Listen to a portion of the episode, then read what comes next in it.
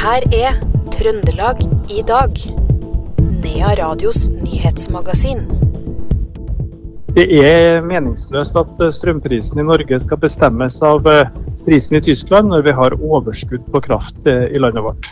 Nidaros Sosialdemokratiske Forums leder Trond Giske ønsker mer nasjonal kontroll på strømeksporten, og stiller nå krav til Arbeiderpartiet.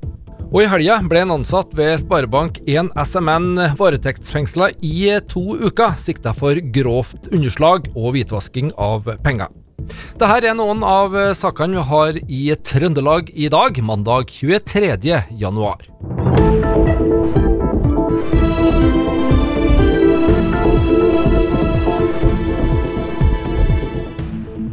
Politiet jakter penger i Tyskland og i Sverige etter bankunderslaget. Det skriver Adresseavisa i dag.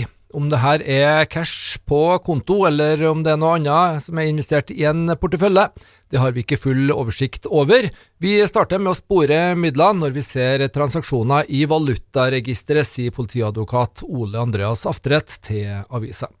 Politiet vil eh, fortsatt ikke gå ut med hvor stort beløp som er underslått i denne eh, saken. Det er Økokrim som følger utenlandssporet.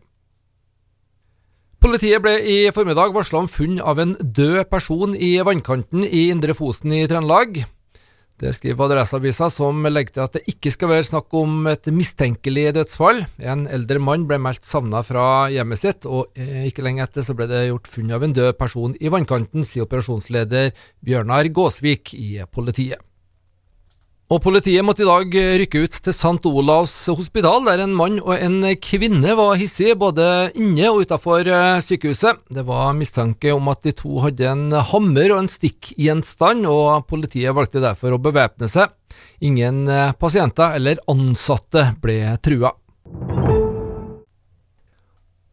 Nidaros Sosialdemokratiske Forum ønsker mer nasjonal kontroll på strømeksporten, og stiller nå krav til moderpartiet.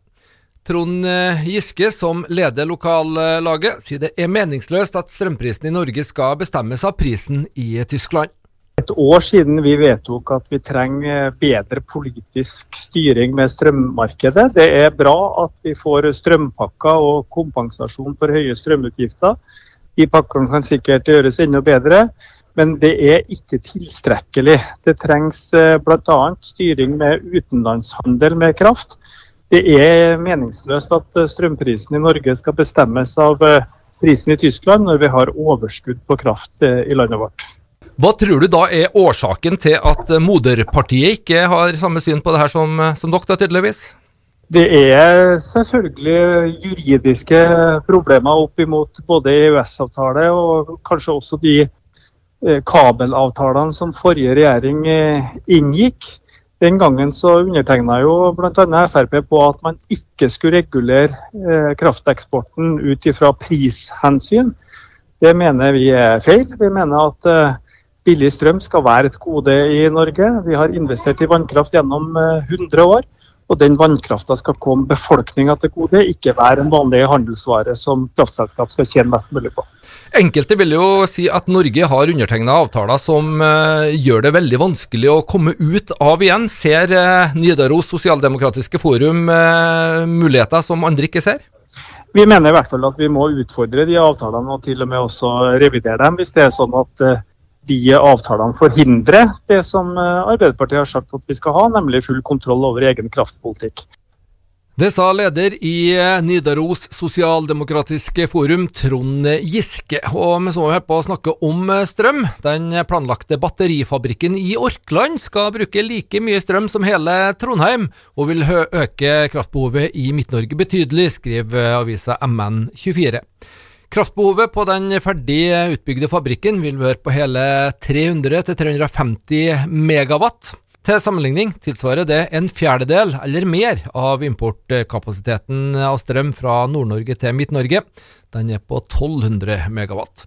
Om få år kan det være for lite strøm tilgjengelig til å dekke forbruket i Midt-Norge, melder Statnett. En ansatt ved Sparebank1 SMN ble lørdag varetektsfengsla i to uker, sikta for grovt underslag og hvitvasking av penger. Mannen har lagt korta på bordet og godkjenner alt, og ifølge politiet så skal det være snakk om flere titalls millioner kroner. Her er konserndirektør i Sparebank1 SMN, Rolf Jalle Brøske. Eh, det som er fakta, er at uh, Sparebank1 SMN har blitt utsatt for et grovt underslag eh, fra en innleid vikar. Det er et beløp som er i størrelsesorden flere titalls millioner kroner, så det er en svært alvorlig sak. Kan du si noe om hva dere vet hva pengene er brukt til? Er det brukt i krypt kryptovaluta, fond, aksjer? Det er spørsmål som får være opp til politiet å svare på. Eh, for oss så er det aller viktigste nå eh, å få fullstendig oversikt over hva som har skjedd. Dele vår kunnskap med politiet for å få gjort en fullstendig etterforskning av saken. Eh, og så er det selvfølgelig å få prøve å berge så mye som mulig av de økonomiske verdiene som er på avveie etter underslaget. Hvor stort er underslaget i Sparebank i en SMN-sammenheng?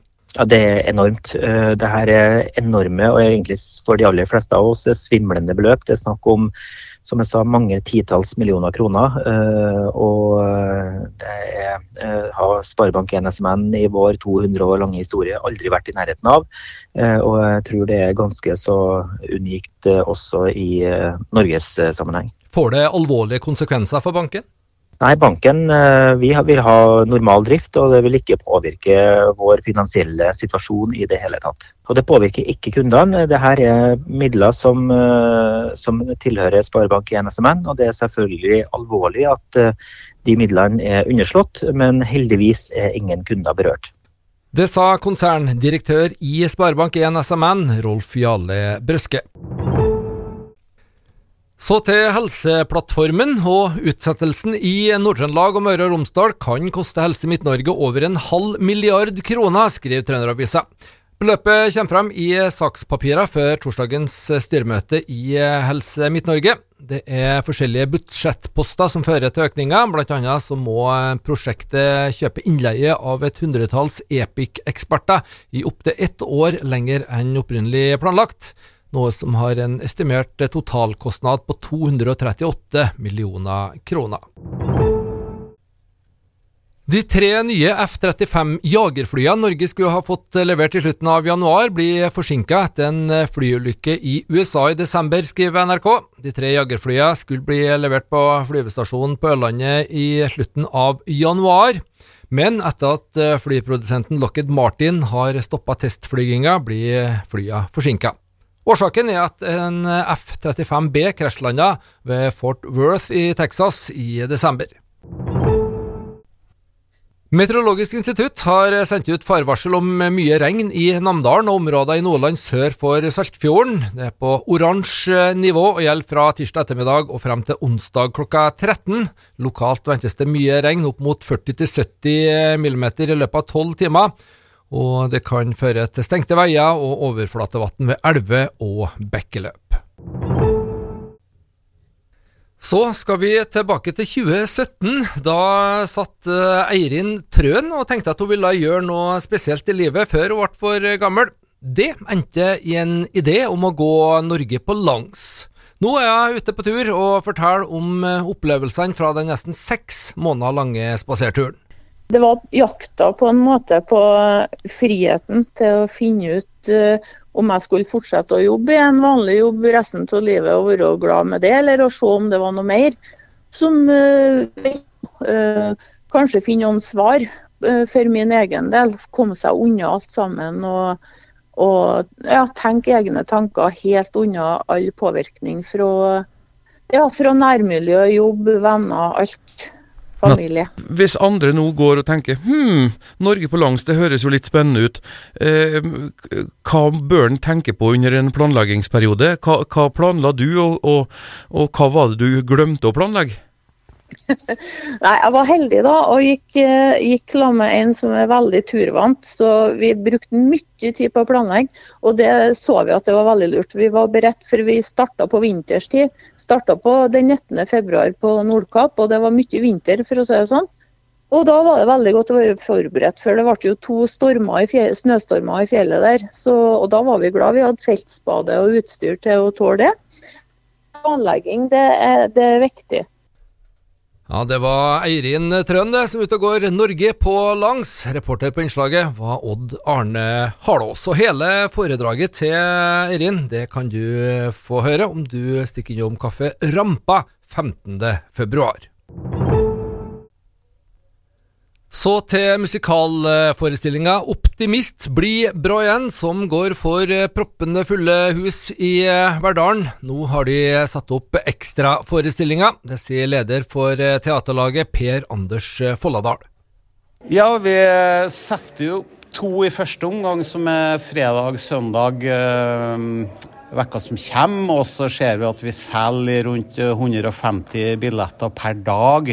Så ser vi at det blir for lite. Så nå har vi satt opp to til påfølgende uke, onsdag og lørdag. Så da blir det 18 forestillinger totalt sett, da. Og hva tror du denne suksessen med årets forestilling skyldes?